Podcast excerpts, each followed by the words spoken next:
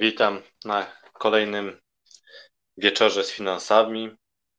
Witam w podcaście Finanse wieczorową porą. Ja nazywam się Grzegorz Błaszczyk. Jestem inwestorem, jestem przedsiębiorcą, prowadzę firmę, w której pomagam zarabiać na oszczędnościach, a z inwestycjami jestem związany już e, około 13 lat. E, tym się zajmuję zawodowo. E, dzisiaj e, chciałbym powiedzieć Wam więcej o błędach, które e, przytrafiają się inwestorom. No, trzeba powiedzieć, że praktycznie no, nie ma nieomylnych inwestorów, każdy popełnia błędy, więc na pewno warto wiedzieć, na które błędy największą uwagę należy zwracać, jakie najczęściej błędy są popełniane przez inwestorów no żeby mieć e, po prostu ich e, świadomość, no i przynajmniej starać się e, tych błędów unikać. Więc to będzie temat przewodni dzisiejszego, dzisiejszego nagrania. Oczywiście wszystkich, którzy nie mogą dzisiaj, teraz na żywo odsłuchiwać tego nagrania, zachęcam do poszukania podcastów na YouTubie, na Spotify, e, na Apple Podcast, e, w kilku innych źródłach również. Także poszukajcie podcast wieczorową porą. Zapraszam do subskrybowania i do polubienia naszych, naszych nagrań. No a zaczniemy może od tego, co działo się w finansach w zeszłym tygodniu było kilka ciekawych e, odczytów e, i na przykład w Niemczech e, inflacja konsumencka CPI spadła z 10 do 8,6%. Był to zgodnie z oczekiwaniami, aczkolwiek no tutaj spadek inflacji jest, jest znaczący. Z kolei Japonia w zeszłym tygodniu decydowała o stopach procentowych i zdecydowali, że pozostawią je na niezmienionym poziomie. E, Japonia jest jednym z nielicznych rynków, które e, mają nadal ujemne stopy procentowe i pozostawili te stopy procentowe na poziomie minus 1,1%. Bardzo e, ciekawy odczyt również był w Wielkiej Brytanii. Tam e, inflacja spadła e, nieznacznie o 0,2% do 10,5%. Lekko, lekko poniżej tych oczekiwań, tam były nieznaczne różnice. Przewidywano, że ta inflacja będzie wynosiła 10,6%. E, no a w Stanach Zjednoczonych mm, e, inflacja PPI, ta inflacja producencka, obniżyła się e, do 6,2%, oczekiwano 6,8%.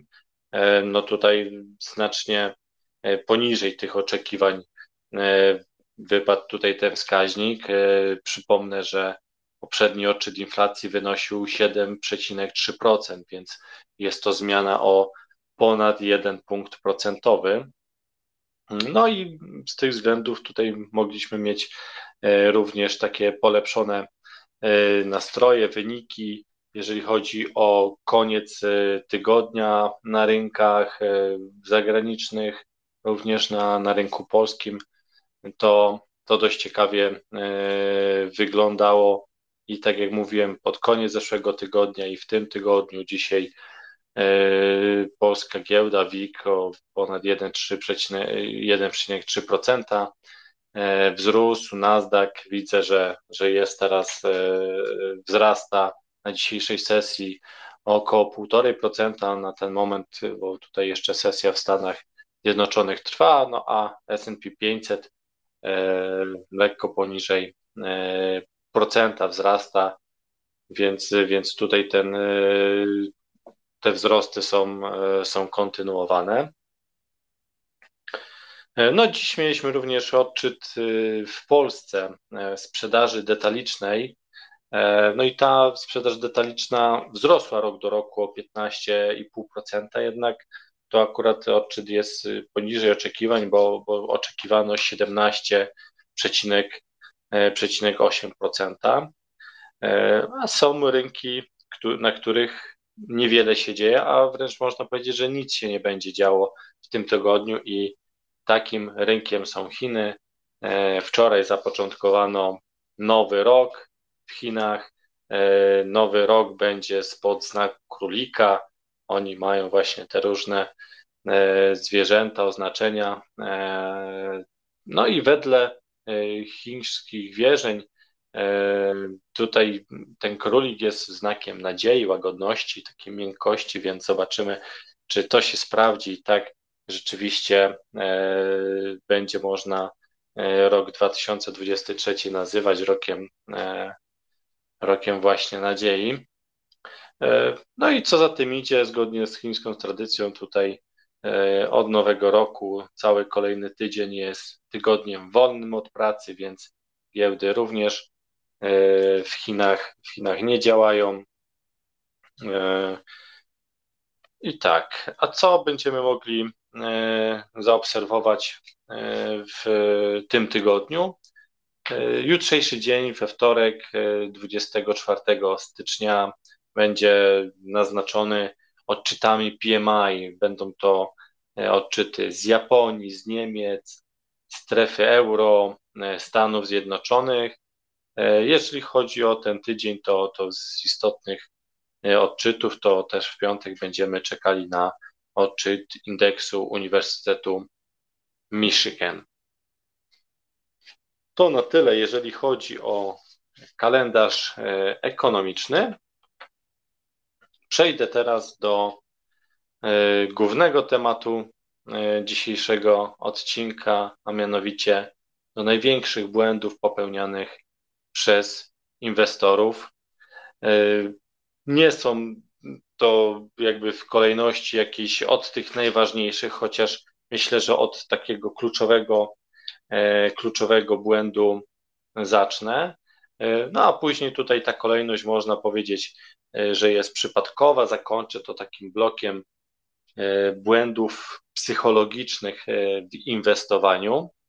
E, to są, to jest no, większość takich błędów e, według mnie najistotniejsze. Oczywiście to nie są też wszystkie błędy, które można popełnić. E, no i no wiele też nich się łączy, gdzieś tam jedne z drugich wynikają. Także posłuchajcie, bo zacznę od błędu tak jak już mówiłem, moim zdaniem największego. I tym błędem jest brak planu, brak strategii w inwestowaniu. Moim zdaniem jest to, to jest najgorsze, co, e, co można zrobić, bo e, jak mówi powiedzenie, chyba wywodzące się z szachów, że lepiej mieć słabą strategię niż żadną.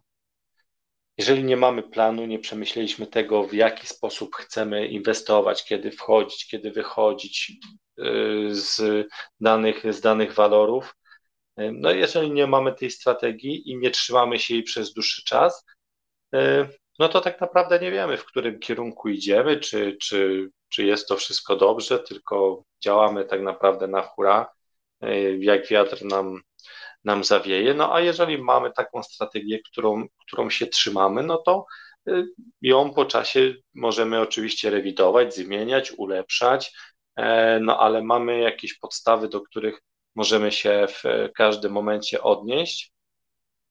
E, no i tutaj e, kolejny błąd z braku planu wynika. Jeżeli mamy ten plan, no to jeżeli się dzieje źle, wiemy, co robić. Jeżeli się dzieje dobrze, też wiemy, co robić. Mamy na to, na to wszystko plan, e, a jeżeli e, no nie mamy tego planu, no to często po prostu kierujemy się emocjami. I to jest również błąd, uleganie emocjom. E, emocje oczywiście nie są dobrym doradcą w inwestowaniu, ale jeżeli nie mamy konkretnej strategii opracowanej, no to, no to kierujemy się tymi nastrojami rynkowymi, własnymi emocjami. Przeczytamy gdzieś ktoś obwieszcza, że, że to już koniec polskiej giełdy, wtedy oczywiście sprzedajemy, no bo e, ratujmy jeszcze to, co, to, co pozostało. E, I, i tutaj no, to uleganie emocjom zdecydowanie nie sprzyja inwestowaniu. Oczywiście człowiek jest istotą E, emocjonalną, i, no ale, ale ta nasza konstrukcja w tym inwestowaniu nie sprzyja. A wracając jeszcze do, do tego braku planu strategii e, na inwestowanie, e, warto, tak jak mówiłem, chociaż jakiś nigdzie niesprawdzony plan, ale nasz sobie, sobie stworzyć, zastosować. Dla przykładu, nie wiem, kupujemy jakieś, jakieś walory i tak, jeżeli od momentu wyjścia spadną o 10%, wtedy sprzedajemy, realizujemy tą stratę, a na przykład zysk, zyskom pozwalamy urosnąć do 20% i wtedy, wtedy wychodzimy. Oczywiście tutaj nie przywiązujcie się do, do tych procentów, o których mówię, tutaj rzucam taki przykład, e, po prostu pierwszy lepszy z głowy, e, który, który teraz, teraz wymyśliłem, to i nawet taka strategia e, ma przyszłość. No, dajemy tutaj zyskom urosnąć dwa razy więcej niż, e, niż stratą. I jeżeli rynek spada, no to się nie zastanawiamy w takim momencie, tylko patrzymy, spadło minus 10%, wychodzę, dziękuję. Rośnie, wzrosło o te 20 czy inne, inny procent, który sobie założyliśmy, sprzedajemy. Tak, nie mówię, że to jest oczywiście idealne, e, idealne rozwiązanie, ale tak jak mówię, posiadanie planu i strategii e, tutaj pozwala, że to, to my mamy tutaj w jakimś stopniu e, kontrolę nad tym, co robimy. E, I moim zdaniem jest to taki, taki no, grzech pierworodny inwestowania, brak planu i strategii w działaniu. Kolejnym błędem, który jest dużym błędem, jest brak dywersyfikacji. E, jest angażowanie na przykład całości czy większości środków e, na przykład w jedną spółkę, no jest to bardzo duże ryzyko.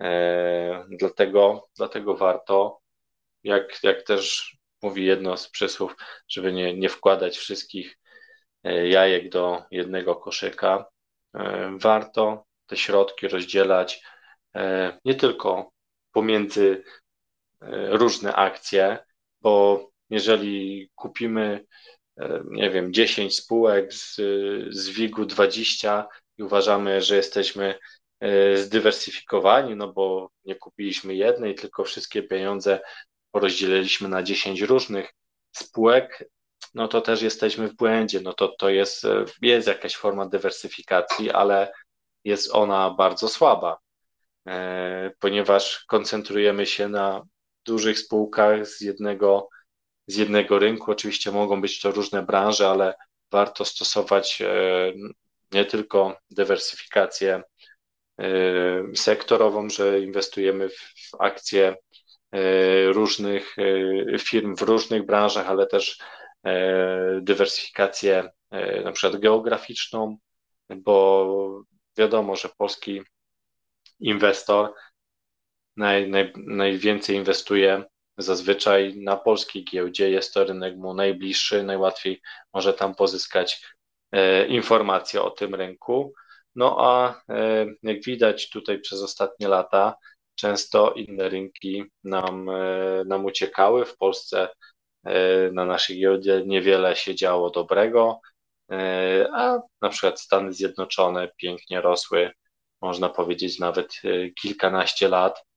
E, no i po prostu e, przez to, że siedziało się tylko w Polsce, no, nie mieliśmy możliwości czerpać z tych zysków, które były obecne na, na innych rynkach, ale oprócz tego, że trzymamy się jednak aktywów, warto również e, środki rozdzielać poprzez, poprzez różne inne aktywa, akcje, obligacje. No nie będę tutaj wymieniał wszystkich, ale, ale też, też czy, czy jakaś dywersyfikacja walutowa.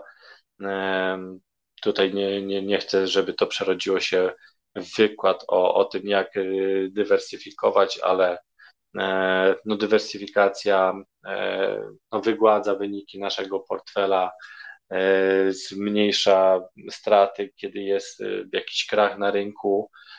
No oczywiście inwestując w jedną akcję, wszystkie środki, no możemy znacznie więcej zarobić, ale no, no musiałby być to, to złoty strzał i, i trzeba pamiętać właśnie o tym ryzyku i to ryzyko kontrolować. E, kolejnym błędem, kolejną pomyłką, e, którą, e, którą można zaobserwować u inwestorów, jest inwestowanie po usłyszeniu porady od jakichś przypadkowych osób, od osób, które mm, może się gdzieś tam znają na rynku, ale, e, ale też czasami niekoniecznie. Nieraz był, słyszałem o różnych influencerach, którzy opowiadają, jakie to spółki nie kupili, e, czy, czy jakie tam kryptowaluty, również dlaczego nie warto zainwestować. Także inwestowanie tylko dlatego, że od kogoś się e, usłyszało, od kogoś, kto z dużym prawdopodobieństwem może nie mieć jakichś twardych e, podstaw e, do, do, do swoich stwierdzeń, no, no jest również dużym, dużym błędem, bez własnego researchu, bez sprawdzenia, czy rzeczywiście to, co dana osoba mówi, rzeczywiście tak jest, czy, czy ta spółka jest przyszłościowa, czy tutaj możemy liczyć na, na dane wyniki, to no jest, jest to duży błąd, ale no człowiek jest taką istotą, że, że lubi iść na skróty. Yy, lubi, jak ktoś za niego pracę wykona i mamy nadzieję, że jak usłyszymy od kogoś, słuchaj, kup yy, dane aktywo, to, to liczymy, że ta osoba właśnie ona już zrobiła yy, tutaj to sprawdzenie tej spółki czy innego aktywa. No i my tego już nie musimy robić. Dostajemy tutaj na tacy Y, złoty strzał, a często, często tutaj to, to po prostu y, nie sprzyja później zyskom. Trzeba pamiętać, że no każdy z nas jest inny, każdy z nas tutaj inaczej może prowadzić swój portfel inwestycyjny. Inne środki też tam inwestuje i usłyszymy od kogoś, że E, że warto zainwestować w daną spółkę. Może się okazać, że ta osoba też powie, że zainwestowała, e, może ona zainwestowała 1% swojego kapitału, a my wejdziemy z połową. E, I, no i to, to również jest właśnie duży błąd. Przypomniało mi się nagranie sprzed pewnie ponad dwóch lat.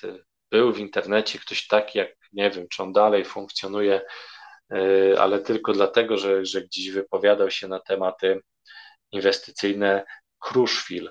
E, był taki chłopak i, e, i gdzieś dotarło do mnie nagranie, jak mówił o kryptowalutach, o kryptowalucie Lisk bodajże i, i mówił, jak to na niej zarabia, jak to będzie ją rozgrywał i, i no i obawiam się, że, że po takim nagraniu wiele młodych osób przede wszystkim, które go, go tam obserwują, e, mogły wtedy inwestować.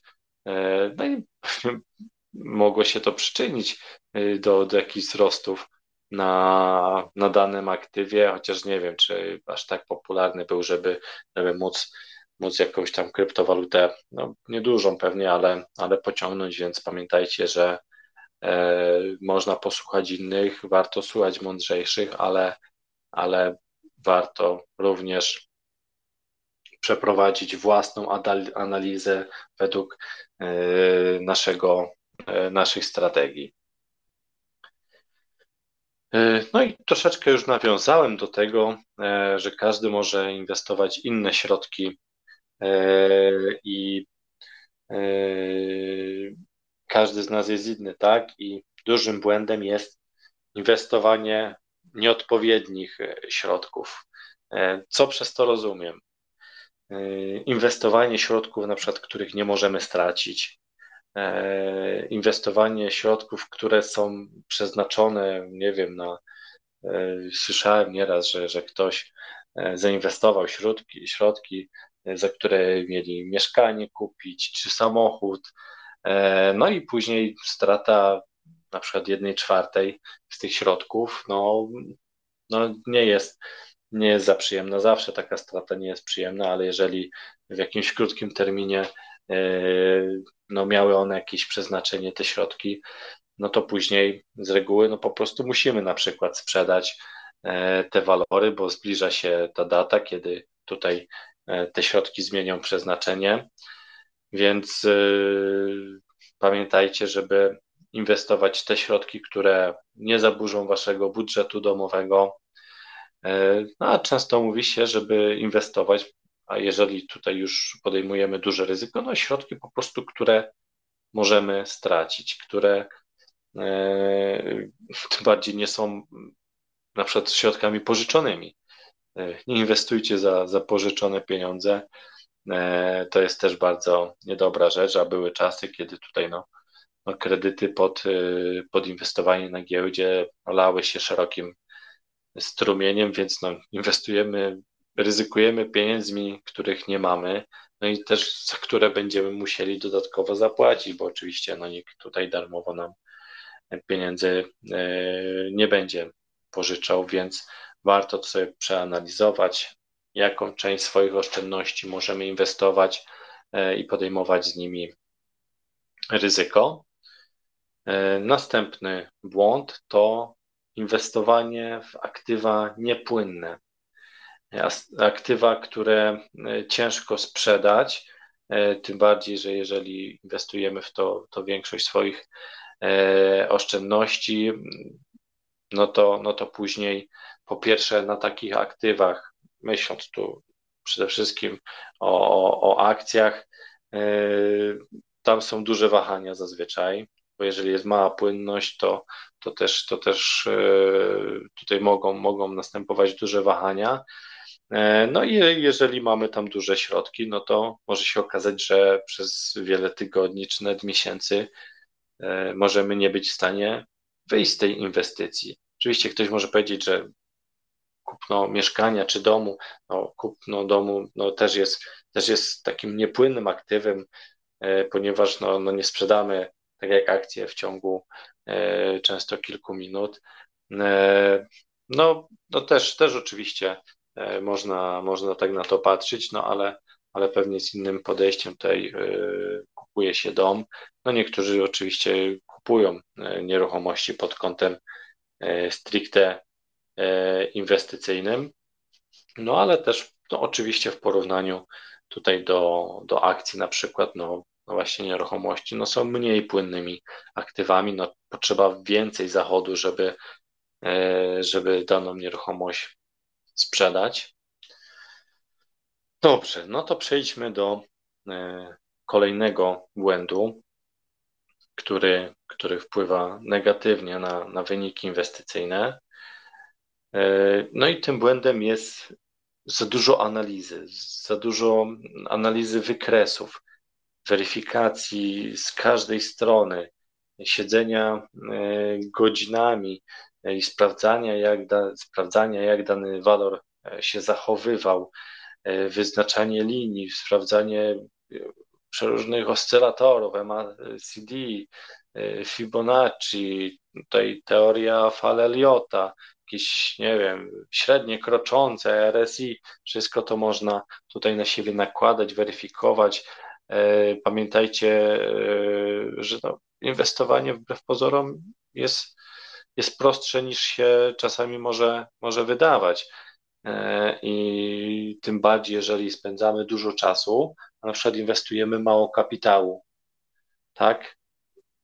Spędzanie kilku godzin dziennie, gdy, nie wiem, inwestujemy kilka tysięcy złotych i nie wiem, żeby zarobić 20% z tego, czyli 1%, 10 tysiąc złotych, no, no to może po prostu może jesteśmy w stanie e, znacznie zyskowniej ten czas wykorzystać. Poza tym no, zbyt dużo analizy no, może, może po prostu tutaj e, wprowadzić e, w kłopoty.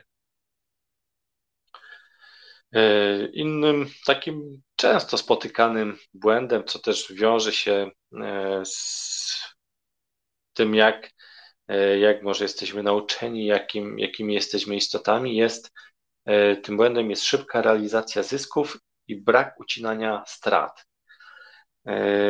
No, wiąże się to z tym, że, że no, człowiek unika poczucia wstydu, no ale bardzo poszukuje e, poczucia dumy i e, należy oczywiście pozwalać zyskom rosnąć, no a straty, straty ucinać i e, często mamy takie myślenie, że jeżeli kupiliśmy jakiś walor, no i on zaczyna spadać. No i spokojnie, spokojnie, no przecież dobrze wybrałem, on się na pewno odbije zaraz.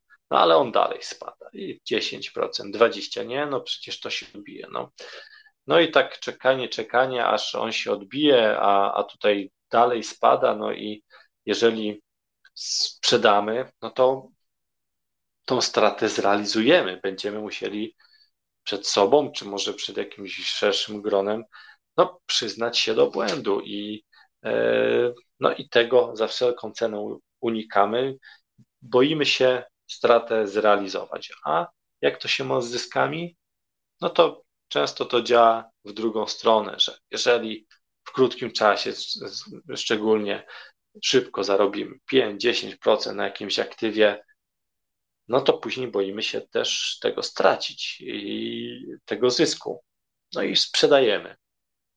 A nieraz może się okazać, że jest tutaj mocny trend, no i to aktywo będzie rosło i rosło, no ale zrealizowaliśmy już ten zysk, jesteśmy zadowoleni, możemy się pochwalić, jaką to inwestycję nie zrobiliśmy. E, szukamy właśnie tego poczucia dumy, szukamy poklasku, no a w długiej perspektywie właśnie takie działanie bywa destrukcyjne dla, dla naszego portfela, więc e, jak to mówią, pozwalajmy zyskom rosnąć, a straty ucinajmy. E, no i właśnie ten błąd wiąże się właśnie z brakiem planu, brakiem nawet takiego bardzo prostego wyznaczenia e, poziomu, e, przy którym będziemy dany walor sprzedawać. No i po prostu realizujemy stratę, idziemy dalej, zapominamy o tym, co było, no ale też, też tutaj dawać tym zyskom, tym zyskom rosnąć i może ustawiać przy trendzie wzrostowym, oczywiście jakiegoś e, stop lossa kroczącego, wtedy możemy też się czuć e, bezpieczniejsi. Mm, e, tutaj jeden z błędów, który szczególnie u siebie nieraz obserwowałem, czyli po sprzedaży danej spółki, czy to był zysk, czy była strata, ale obserwowanie później tej spółki, którą, którą sprzedaliśmy, no i y, no nieraz się też zdarza, że y, sprzedaliśmy, zarobiliśmy, ona dalej rośnie. No i sobie tutaj plujemy w brodę później, no chociaż działaliśmy na przykład z planem, zgodnie ze strategią, którą, którą mamy. Y, no i plujemy sobie w brodę, no czemu sprzedaliśmy? Powinniśmy się cieszyć, bo zarobiliśmy, a my tutaj się zamęczamy tym, że można było to zrobić później, można było jeszcze poczekać. E, dobrze jest nieraz sprzedać dane aktywo na jakiś czas, o nim po prostu zapomnieć. E, no i tym bardziej właśnie, jeżeli zrealizowaliśmy stratę, może to była niewielka strata, no i później patrzymy, a tutaj się zaczyna, zaczyna spółka odbijać i e, okazuje się, że no po prostu zrealizowaliśmy stratę, a mogliśmy jeszcze poczekać, mogliśmy dać jej urosnąć, no ale jeżeli zadziałaliśmy zgodnie z naszą strategią, to znaczy, że to był właśnie moment, w którym powinniśmy sprzedać. E, każdy z nas popełnia błędy, e, każdy tutaj w inwestowaniu popełnia błędy, ale e, bardzo złą rzeczą, która może się zdarzyć, jest brak wyciągania wniosków, e, szczególnie po błędach. No, jeżeli e, stracimy pieniądze, a później nie przeanalizujemy, co zrobiliśmy źle, dlaczego się zachowaliśmy tak, a nie inaczej, no to jest duże prawdopodobieństwo, że te błędy będziemy popełniać. No i wtedy to już jest e, błąd, no nie jest niczym złym, ale już brak wyciągania wniosków po tych błędach jest, e, jest bardzo słabą rzeczą. No i sprawia, że się nie polepszamy, nie, nie rozwijamy, więc warto tutaj, czy zagranie, które przyniosło nam zyski, czy stratę, warto je e, później przeanalizować, wyciągnąć, wyciągnąć wnioski, szczególnie jeżeli no, straciliśmy na, na jakimś aktywie. E, dużym błędem w inwestowaniu, będą może trochę przekornie, jest nieinwestowanie. Nie mówię o tym, że czasami warto po prostu nie być w rynku, czasami rzeczywiście warto jakieś bardzo burzliwe momenty przeczekać, mieć tą gotówkę na koncie. Mówię tutaj bardziej o tym, y, o oczekiwaniu na rozpoczęcie inwestowania. Często klienci mi pytają, no ale czy to jest teraz dobry moment, żeby, żeby zacząć inwestować, czy może za niedługo będzie lepszy? No, prawda jest taka, możemy starać się przewidywać, ale nigdy nie wiemy. Patrząc na historię rynków, e, no, większe jest prawdopodobieństwo, że, e, że rynki w długim terminie rosną, tak? I jeżeli zdecydujemy się zacząć inwestowanie za dwa miesiące, za pół roku, za rok, no to będziemy o jakieś tam zyski, o jakieś tam wzrosty do tyłu. Tego nie jesteśmy w stanie przewidzieć. Wejście można sobie zaplanować na kilka tur, ale takie oczekiwanie na odpowiedni moment, kiedy tu nie wiem, rynek się załamie i wtedy wejdziemy. Często wtedy, jeżeli nie mamy doświadczenia inwestowania, nie wejdziemy, bo będziemy się bali, że te spadki mogą być dalej i, i szukanie tutaj tego idealnego momentu, tego dołka e, albo jakiegoś znaku, e, że już teraz wejść, warto e, po prostu zacząć inwestować. Może jeżeli rzeczywiście się boimy, no to no to zacząć od mniejszych kwot, ale zacząć. Znam inwestorów, którzy są przekozakami na rachunkach demo. E, no ale jak później ma dojść do starcia z realnym światem, realnymi pieniędzmi, no to już wtedy jest znacznie trudniej. Tutaj e, podobno, podobnie jest z niektórymi sportowcami, że, że są tacy mistrzowie treningów, że na treningach no, no są, są najlepsi, e, ale jeżeli już do, trzeba wyjść, e, jeżeli chodzi o piłkarzy na, na zieloną murawę, przy kibicach, przy reflektorach, przy, przy większej publiczności, to nie potrafią tego, co, to, to nie umieją tego, co potrafią przełożyć. E, no i podobnie to ma się z inwestowaniem, że warto czasami no, popróbować na jakichś rachunkach demo, poinwestować, poczytać, ale niektórzy tylko czytają, czerpią wiedzę. Nie chodzi mi o to, żeby tutaj y, nie rozwijać się, nie, nie czytać o inwestowaniu, ale, ale u niektórych to trwa latami, gdzie oni się przygotowują, przygotowują inwestowania. Warto. Często najlepszym przygotowaniem jest właśnie bycie w rynku, poczucie tych emocji, y, zobaczenie, jak się w tym odnajduje, y, a nie tylko, tylko czekanie na ten najlepszy moment bo prawda jest taka, że tym bardziej przy, przy tak wysokiej inflacji, no po prostu warto środki inwestować. E, czasami słyszę, albo nie wiem, czy stać mnie na inwestowanie. No ja często odwracam to, e, to stwierdzenie i pytam się, że, czy stać Was na nieinwestowanie. Uważam, że często ciężko zarobione pieniądze jeżeli mają leżeć i nie pracować dla nas, zaprzątnijmy je do pracy i niech dla nas inwestują, więc trochę może to dziwnie zabrzmieć, ale no największym błęd, jednym z największych błędów w inwestowaniu jest właśnie to nieinwestowanie. Słuchajcie, no to teraz przejdę mm, do e, takiej konkretnej, e, do konkretnego rodzaju E, błędów, a mianowicie do błędów psychologicznych. No są to no, ciekawe, cała ekonomia behawioralna i to, jak nasze myślenie, jak nasza psychika wpływa na, na inwestowanie, różne nasze, nasze przekonania, czy też wzorce, które mamy, no, no szczerze mówiąc, jest pasjonujące i zachęcam, żeby e, tutaj się, się bardziej z tym e, zapoznać. Pierwszą, e, pierwszym takim błędem, o którym chciałbym powiedzieć, jeżeli chodzi o te błędy psychologiczne, jest teoria perspektywy.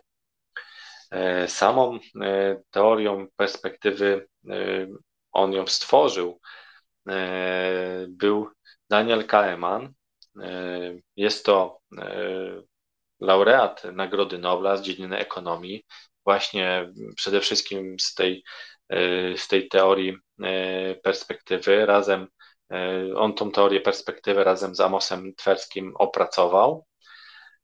No i już ponad 20 lat temu tą Nagrodę Nobla dostał. I tutaj od razu polecam, zanim już zacznę mówić o tym błędzie, o tej teorii perspektywy i o innych psychologicznych błędach, e, zachęcam Was do przeczytania książki Pułapki myślenia, której autorem jest właśnie Daniel Kahneman. E, bardzo ciekawa lektura, gdzie, gdzie bardzo fajnie na wielu przykładach rozpracowuje e, te pułapki myślenia, w które wpadamy. No ale idźmy do sedna.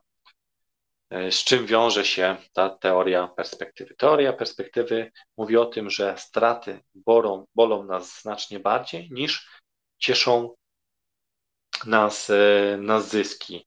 E, I zgodnie z tą teorią, jeżeli zarobimy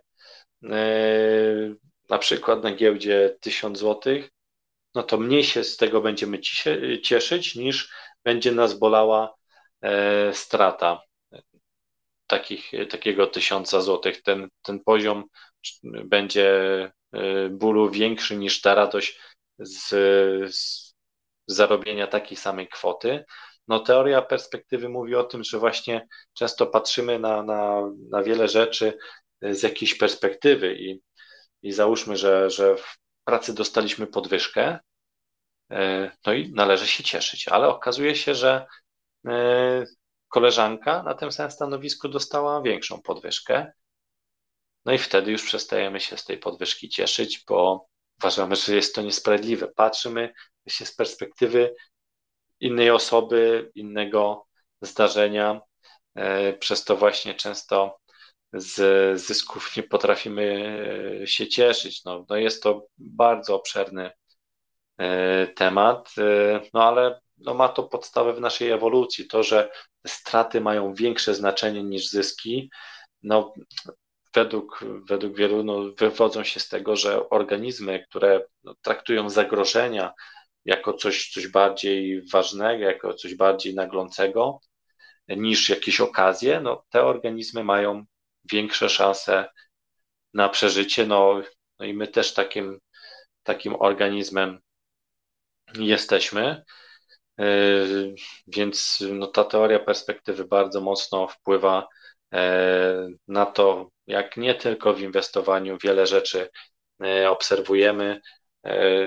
Jednym z takich przykładów w teorii perspektywy może być informacja, że wygraliśmy, nie wiem, dzwonią z radia, wzięliśmy w jakimś konkursie udział, wygraliśmy 1000 złotych.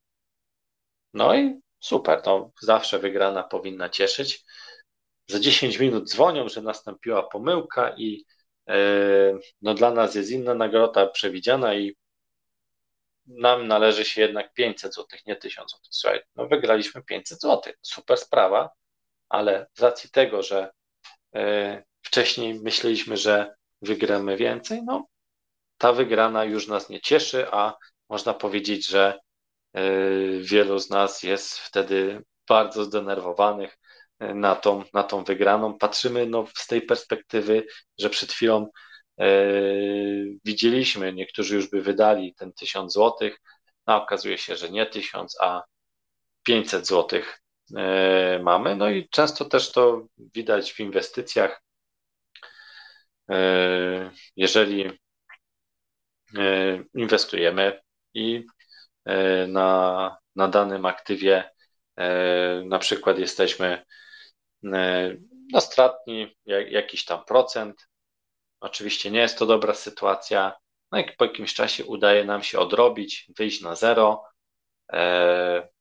To nic nie zarobiliśmy, no ale cieszymy się. Cieszymy się, no bo odrobiliśmy tą stratę, jesteśmy na zero, mamy tyle samo co kilka miesięcy wcześniej, ale cieszymy się, bo mamy w perspektywie to, że jakiś czas temu e, no, byliśmy na minusie. No, w drugą stronę oczywiście też to działa, e, że e, tutaj jeżeli mamy stratę i, i jeżeli mamy zysk i go nie, nie zrealizujemy, no i później ten zysk jest mniejszy, no to i zrealizujemy zysk, nie wiem, nie 1000 zł, a 300 zł, e, no to nie jesteśmy z tego zadowoleni, nie, nie, jesteśmy zadowoleni, że zarobiliśmy, e, tylko, tylko po prostu pamiętamy to, że jeszcze niedawno to aktywo było znacznie wyżej i wyrzucamy sobie, dlaczego wtedy nie sprzedaliśmy. E, jednym z takich typów teorii perspektywy tych typów teorii perspektywy jest kilka, ale tutaj przede wszystkim na jednym e, tutaj się skupię, jest, jest taki efekt pewności. E, I odnosi on się do tego, że jednostki unikają ryzyka, gdy istnieje jakaś perspektywa pewnego zysku. No i dam taki przykład, jak właśnie ten efekt pewności działa.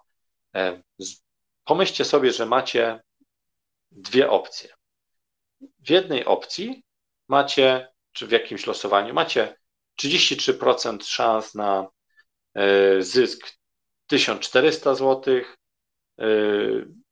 66% szans na zysk 1500 zł i 1% na to, że nic nie dostaniemy. Powtórzę, no 33% szans na zysk 1400 zł, 66% szans, czyli no bardzo dużo szans na zysk 1500 zł i 1% na to, że nic nie dostaniemy. A drugą opcją jest to, że na 100% dostajemy 900 zł. Może Was to zaskoczyć, ale wiele osób wybierze ten pewny zysk 900 zł, chociaż mają 99% szans, że dostaną 1400 czy 1500 zł. Nie jest to logiczne, ale właśnie to jest ten efekt pewności, że wolimy coś pewnego. No, jest to powiedzenie lepszy wróbel, wróbel w garści niż gołąb na dachu e, i coś tutaj właśnie jest na rzeczy. E, no, nie postępujemy po prostu logicznie. E, wracając jeszcze do teorii perspektywy, odnosimy się do tego, jak oceniamy dane spółki, dane aktywa i załóżmy, że mamy dwie spółki, które zarobiły, e, albo w drugą stronę, mówiąc właśnie o tych, straty bolą nas bardziej, dwie spółki straciły 30%. No ale jedna spółka te 30% traciła stopniowo, e, załóżmy przez dwa miesiące, a druga szła gdzieś spokojnie, była coś na plusie, około zera i nagle pod koniec okresu, kiedy mieliśmy z niej wychodzić, no te 30% straciła i okazuje się, że pomimo tego samego wyniku, w takim samym okresie czasu, e, tą spółkę, która pod koniec gwałtownie spadła, no oceniamy znacznie, znacznie gorzej. Tyle, jeżeli chodzi o, o ten błąd, y, teorię perspektywy. E, przejdę do e, kolejnego błędu psychologicznego, a mianowicie do pułapki gracza, do e, inaczej też nazywany paradoksem e, hazardzisty. E, no często on występuje właśnie przy tym, gdy jest jakiś czynnik, czynnik losowy. Jest to po prostu przeświadczenie inwestora, że, że trend się odwróci, chociaż nie ma do tego jakichś, jakichś większych przesłanek, ale no skoro jesteśmy w rynku, no to, no to ten trend powinien się e, odwrócić.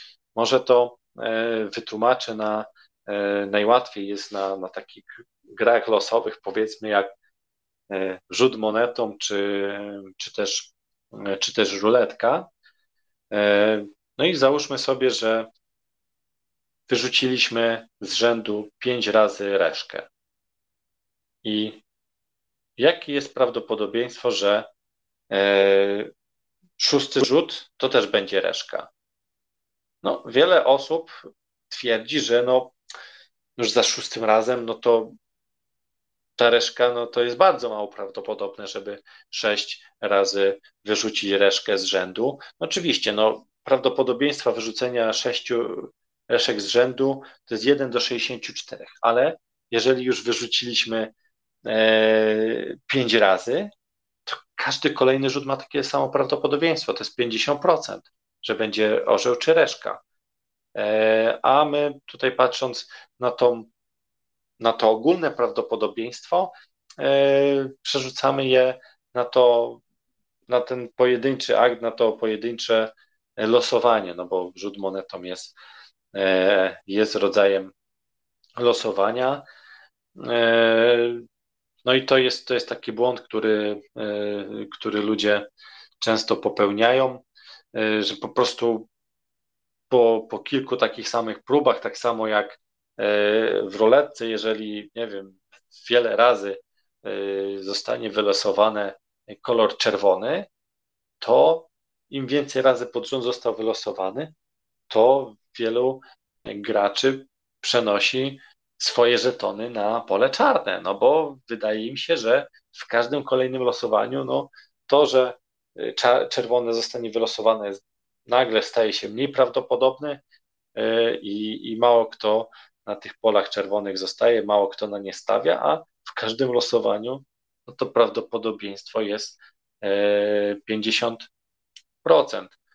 E, no i to co, to, co mówiłem, jak to się ma konkretnie do, e, do inwestowania, często jeżeli wyjdziemy w rynek, no liczymy, że ten trend się odwróci widzimy spadki na jakiejś spółce, no i mówimy, o, no to ona już tyle spadła, no to już nie powinna, bardzo mało prawdopodobne, że spadnie więcej. Wchodzimy, no bo ona już się powinna odbić. Ona się nie odbija. To, że ona już spadła jakiś procent, e, no to w momencie, w którym wchodzimy w daną spółkę, no to dalej, e, dalej E, tutaj można powiedzieć ogólnie prawdopodobieństwo, że ta spółka pójdzie, odbije, czy też dalej zacznie spadać.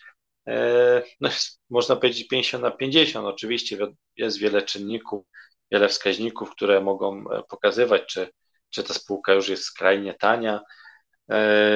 No ale, ale często no, granie przeciwko trendowi właśnie nie, nie popłaca i to jest właśnie ta pułapka gracza. No, pamiętajmy, że spółka, która spadła o 75%, to y, taka spółka, mówię tutaj procentowo, ale to jest taka spółka, która najpierw spadła o 50%, jak ktoś wtedy wszedł, to później znów stracił 50%. E, mówiąc to na przykładzie w złotówkach, spółka warta jest 100 zł, spadła do 25, no to ona najpierw zleciała o 50% do 50 zł. I jeżeli ktoś wtedy chce wejść i liczy na to, że ten trend się odwróci, no to droga tutaj od, od tej góry o 75% później jest naznaczona kolejnym spadkiem o połowę. E, I to warto właśnie sobie e, zapamiętać i, i brać pod uwagę, no to się właśnie wiąże z tym, żeby no właśnie nie grać, e, nie grać z trendem i to, co już się wydarzyło w przeszłości, no uważamy, że, że to, to właśnie nie wiadomo jakie ma znaczenie i, i właśnie to często jest widoczne. E, no i dobrze jest to tłumaczyć właśnie czy na rzucie monetą, czy na czy właśnie na roletce, na ruletce. Przejdę teraz do kolejnego błędu, e, mianowicie do efektu myślenia wstecznego. Co to jest? E, wiedza, którą już mamy o danych zdarzeniach, e, okazuje się, że to są rzeczy oczywiste, tylko one są oczywiste, gdy już się wydarzyły, gdy już o nich wiemy. przecież teraz wiemy, że no, koronawirus to musiał się tak rozejść, musiał tutaj taka pandemia wyskoczyć, to, to nic, nic zaskakującego. No a wiem, w listopadzie, czy, czy nie wiem, pół roku wcześniej, gdzieś tam w sierpniu, no mało kto, kto mówił, gdzieś tam może w Chinach troszeczkę o tym było mówione, a, a w większości świata nikt w ogóle sobie nie zdawał sprawy z takiego zagrożenia, no ale teraz po tym wszystkim, co widzieliśmy, co przeżyliśmy, no wydaje nam się to takie no oczywiste, no i to zachowanie rynków, e, ten krach e, szybki, który nastąpił, no teraz wiemy, że no przecież to po takim krachu, no tam fundamentalnie nic się nie zdarzyło, to później te rynki musiały tak odbić.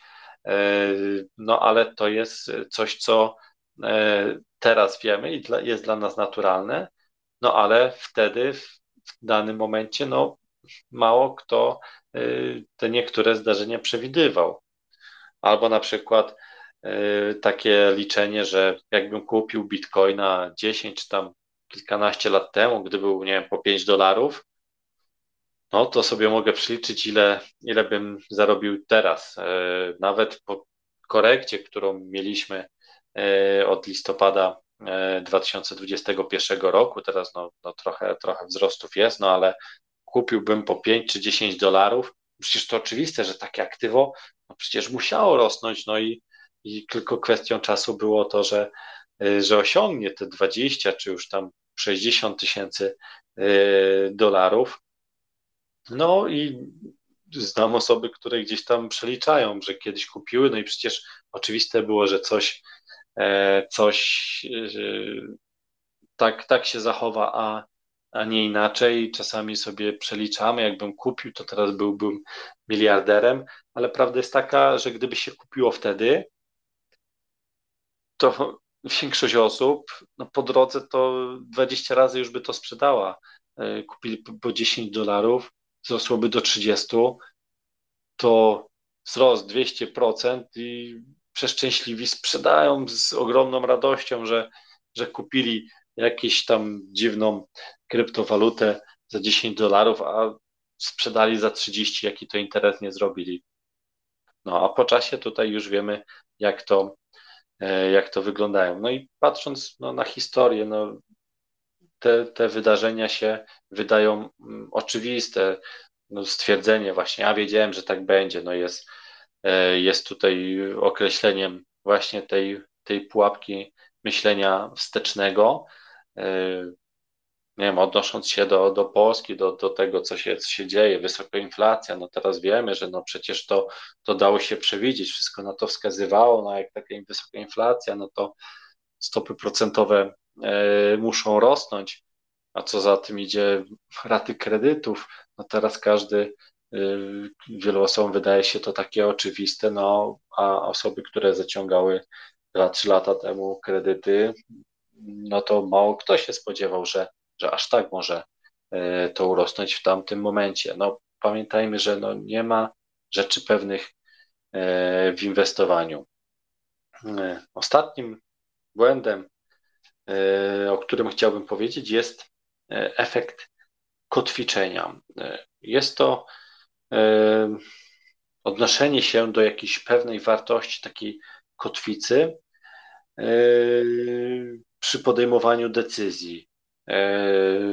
Na przykład może to być, nie wiem, jakiś szczyt danej, danego waloru, ta, ta najwyższa cena albo cena, po której weszli, weszliśmy, E, dajmy na to, e, mamy CD Projekt i takim punktem odniesienia dla kogoś może być cena e, szczytowa tutaj tego, tych akcji, one bodajże po 460 zł były.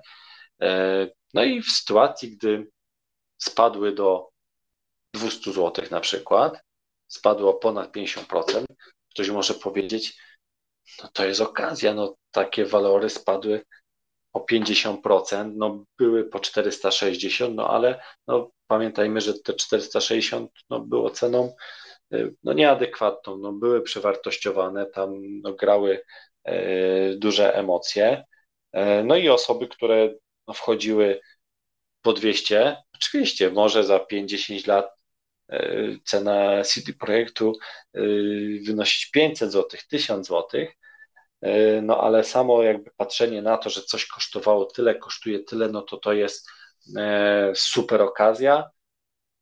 Może być bardzo, bardzo dużym błędem. No, myślę, że może ten przykład nie jest najlepszy, jeżeli chodzi o CD Projekt. E, przynajmniej no na razie, e, na razie jeszcze tutaj daleko do tych poziomów 460 zł. No ale e, wiele osób pewnie i po 300 wchodziło, po 200 wchodziło, no a ten poziom no, tam oscylował chyba około 70 zł nawet za akcję w pewnym momencie. No teraz mamy powyżej 130 e, i ktoś właśnie patrząc na efekt myślenia wstecznego może powiedzieć, no przecież akcje CD Projektu nie mogą być poniżej 100 zł, to oczywiste, że one się odbiją. No, teraz oczywiste, e, a, a, a nie wiadomo ilu kupujących, e, no tutaj tych akcji nie było. Słuchajcie moi drodzy, no prawie tutaj godzina moich rozmów jest. Także tym kończę dzisiejsze, dzisiejsze finanse wieczorową porą. Mam nadzieję, że pomoże Wam to w unikaniu tych błędów. Na pewno błędy będziemy popełniać, bo czasami unikając jednego błędu, y, wystawiamy się na drugi błąd, ale świadomość, że takie takie pułapki na nas czekają, może pomóc nam ich unikać lub e, też podchodzić inaczej do, e, do inwestowania. Jest kilka osób na żywo, to może dopytam, czy, czy jakieś uwagi do tego, co powiedziałem są, czy, czy może macie jakieś pytania.